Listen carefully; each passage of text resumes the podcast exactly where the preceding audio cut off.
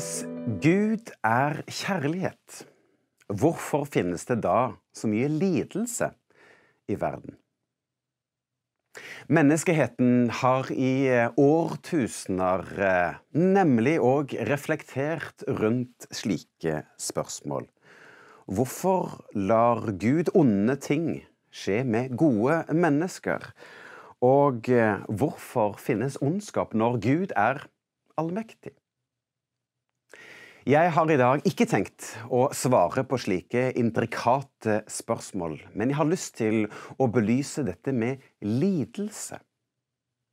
Kanskje du har hørt ordet herlighetsteologi, altså bare stol nok på Gud, så vil Gud gi deg alt, og du vil lykkes i alt, og livet vil være en dans på rosen. Han vil gi deg av rikdom, og han vil gi deg av anerkjennelse. Den norske forkynneren Jens Petter Jørgensen han bruker heller det treffende begrepet ærlighetsteologi. Nemlig det at vi kan snakke sant om livet, om livets realiteter og livets utfordringer. For alle mennesker, de opplever til tider sorg og motstand og lidelse i sine liv. Og noen ganger så kan det være vanskelig å møte andre i sorg. Det kan være vanskelig å møte dem.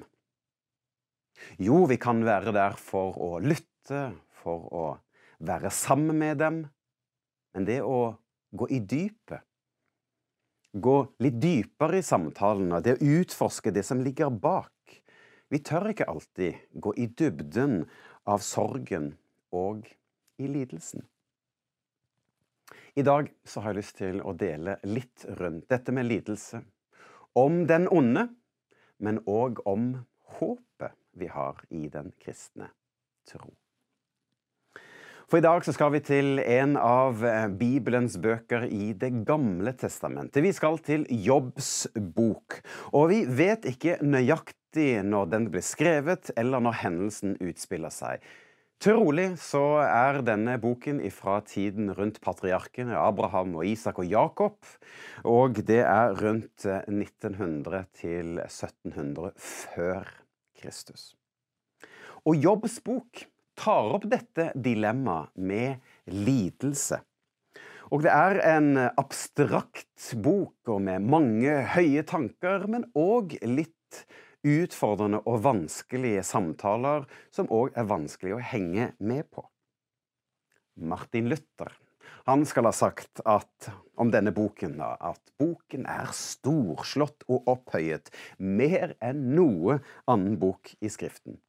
Og Victor Hugo han kalte boken for største, det største mennesket Det største mesterverket fra menneskeheten. Så oppsummert så kan man si at Jobbs bok den løfter opp ulike temaer som at Gud direkte og indirekte er i berøring av våre liv, ikke for å skade, men for å hjelpe oss. Og den slår òg fast at den onde, den er der og er underlagt da Gud og hans herredømme, med tillatelse fra Gud selv. Og Guds barn, altså vi som troende, vi ærer Gud for den han er, og ikke først og fremst for de goder som han gir. Og lidelse, det skjer blant alle mennesker, og de troende og de rettferdige. Og ekte tro kan ikke ødelegges. Og de to siste punktene som det tar opp, er at man kan stole på Gud selv i mørke og utfordrende situasjoner. For Gud er også i mørket av våre liv for å støtte og for å oppmuntre oss. Så helt konkret, hva er det da vi kan ta med oss fra Jobbs bok? Jo, elsk Gud av et ydmykt hjerte. Følg Hans vilje, men òg stol på at Han virker i deg, rundt deg og gjennom deg. Så hvem var da denne Jobb? Jo, vi skal til Bibelen, og vi skal lese helt ifra starten av Jobbs bok, og der står det. Det var en mann som het Jobb, og som bodde i landet Us. Han var en mann som folk ikke hadde noe å utsette på, og han var en oppriktig person med stor respekt for Gud. Det var viktig for ham å holde seg borte fra ondskap. Han eide 7000 sauer, 3000 kameler, 500 par med okser og 500 eselhopper og veldig mange tjenere. Han var den mektigste mannen i Østen, sier da Bibelen. Så Jobb han var altså en mann, en ulastelig og rettskaffen og mann, hel i sin ferd. Og han var en gudfryktig mann. En troende, men en hedning. Det betyr altså en ikke-israelitt. Så han var en rik mann, med rik på sønner og døtre, med rik med husdyr og tjenere. Så han var en velstående mann. Vi leser videre i Jobbs bok, og da skifter scenen, og vi får lov til å bli med opp i det himmelske og høre hva som skjer der, fordi der diskuterer den onde med Gud. Og da står det Da svarte Satan, er det virkelig slik at Jobb har så stor respekt for deg? Hvilke utfordring har han hatt, da? Du beskytter jo ham og familien hans på alle måter. Du velsigner arbeidet hans, så hans eiendom bare, eh, eiendom bare vokser og vokser. Hadde han bare opplevd motgang og mistet han hadde, så ville han helt sikkert forbanne deg rett opp i ansiktet. Herren svarte da til Satan. Se, du skal få ta fra jobb det han har, men du får ikke lov til å skade ham. Da for Satan bort fra Herren. Altså, den onde hevder at jobb kun ærer og tjener Gud for de velsignelsene han får, og ikke fordi at han elsker Gud. Og den onde antar altså at menneskene er troende av velsignelser, det man får. Og dermed så utfordrer da den onde på at vi, hvis vi tar bort alle de materielle godene, materielle eiendeler og velsignelser som vi har, så vil vi vandre bort fra Gud. Og Gud han gir dermed tillatelse til den onde til å røre ved Jobbs eiendeler, men han får ikke lov til å røre utover det Gud gir han lov til. Så Dermed så skifter da scenen tilbake igjen til jorden, og nå leser vi at Jobb han mister hans okser og esler og sauer og hans tjenere, sønner og døtre. Og den onde, han gjorde alt i sin makt for å myrde, stjele og ødelegge. Vi leser videre om responsen hos Jobb av det som skjer. Da reiste Jobb seg, rev klærne si inn i, i flerrer i ren fortvilelse. Han barberte seg på hodet for å ydmyke seg for Herren. Deretter falt han ned på kne mens han tilba Herren. Han sa, Naken kom jeg til jord, og naken skal jeg forlate dem. Herren har gitt meg mye. Nå har Herren tatt ifra meg. Herrens navn skal være velsignet. Etter alt dette syndet ikke Jobb mot Gud. Han anklaget ikke Gud for å være urettferdig. Ja, tenk for en tro, for et hjerte Jobb har. Og det vi kan ta med oss her, det er at han øser ut sin sorg for Gud. Han venner seg til Gud, og han anerkjenner òg at eiendelene som han har, det han har fått, er kun midlertidig. Han syndet ikke og anklaget heller ikke Gud. På samme måte kan du og jeg òg, når lidelser kommer, så kan vi ta med oss dette, at vi venner oss til Gud. Vi søker Gud. Og så vet vi òg at det jordiske som vi har, det er kun midlertidig. Samtidig så kan vi holde oss unna synd, og vi kan eh, ikke anklage Gud for det som skjer. Hva skjer videre i teksten? Jo, for som en respons på lidelsen hos Jobb, så kommer da tre av hans venner for å besøke han. Og de satte seg ned sammen med han og trøstet han i da syv dager. Og etter syv dager så ser vi at sorgen og lidelsen den vendes om til klagesang hos Jobb. Og hans sorg er så stor at han mister noe av blikket han har på livet. Og vi kan lese her at han ønsker at han aldri hadde vært unnfanget.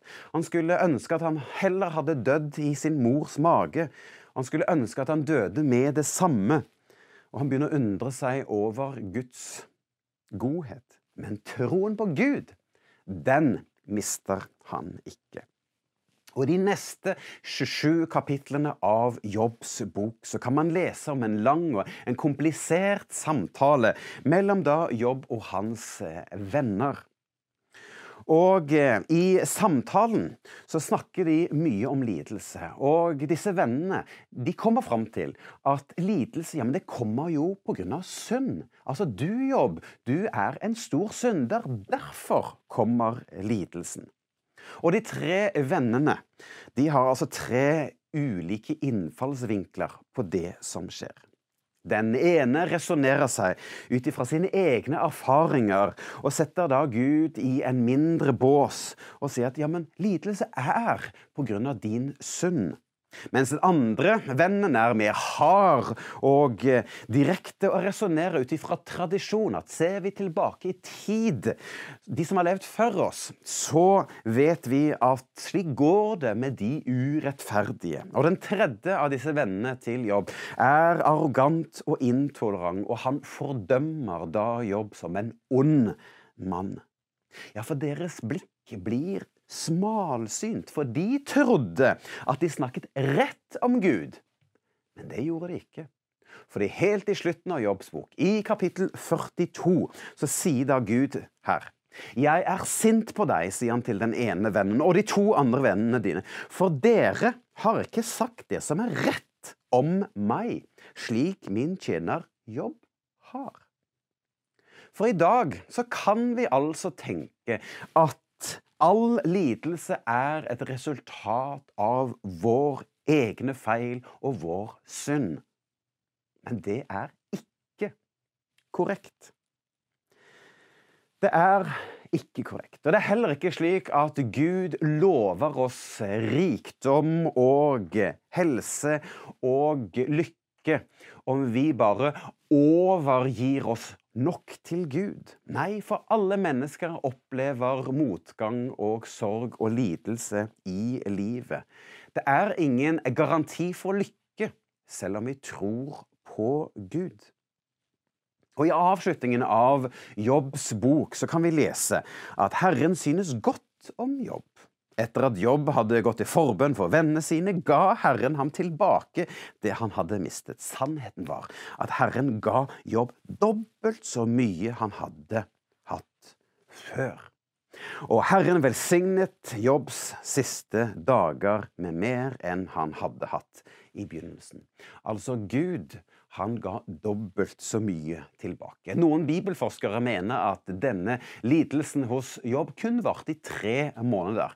Det vet vi ikke, men noen tolker det slik.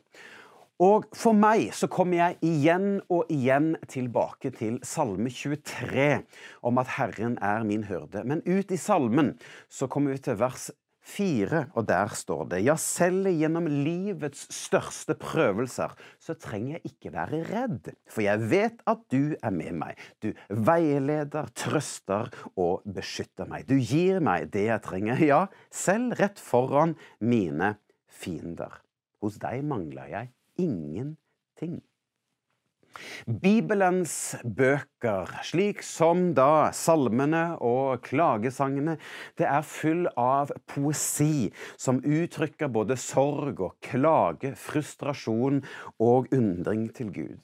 Og Gud, han tåler våre klagerop. Han tåler å høre vår sorg, og han tåler å høre sterke ord. Han er ikke skuffet eller redd om vi blåser ut i vår frustrasjon. David han gjorde dette gjentatte ganger, som vi leser i Salmenes eh, bok. Og det er enkelte ting som vi ikke vil forstå eller se sammenhengen med mens vi lever på denne jord. Vi vil oppleve lidelse innimellom, men Gud er ikke fraværende for det. Nei, han er nærværende hos oss igjennom alt. Han er der når vi trenger han, og han utfordrer oss til å stole på ham. Så vi kan velge å stole på Gud, at han er der når livets harde stormer raser. Og han er der i lidelsen og i sorgen. For i ham så har vi et håp om at han vil være med oss, men at han òg vil lede oss og hjelpe oss, og han kan snu på utfordrende situasjoner. Men om det ikke gjør det, så har vi likevel et håp om at en dag så skal du og jeg få lov til, etter dette livet på jorden, få lov til å komme hjem til Gud. Og der skal vi få lov til å leve tett sammen med ham, uten gråt, uten tårer, uten lidelse. Og jeg har lyst til å avslutte med Salme 3, fordi at David skrev denne salmen da han var på flukt fra sin egen sønn eh, Absalom, som hadde lyst til å ta livet av han. Og der sier da David dette. Herre, de som plager meg, er blitt så mange. De går imot meg og sier til meg, Gud vil ikke redde deg, men du, Herre. Du er som et skjold for meg, du løfter hodet mitt og gir meg herlighet. Av all min kraft ropte jeg til Herren, og i sin hellighet svarte han meg. Jeg kunne legge meg ned og klare å sove, for jeg visste at Herren støttet meg. Derfor er jeg ikke redd, selv om tusener av mennesker skulle angripe meg fra alle kanter.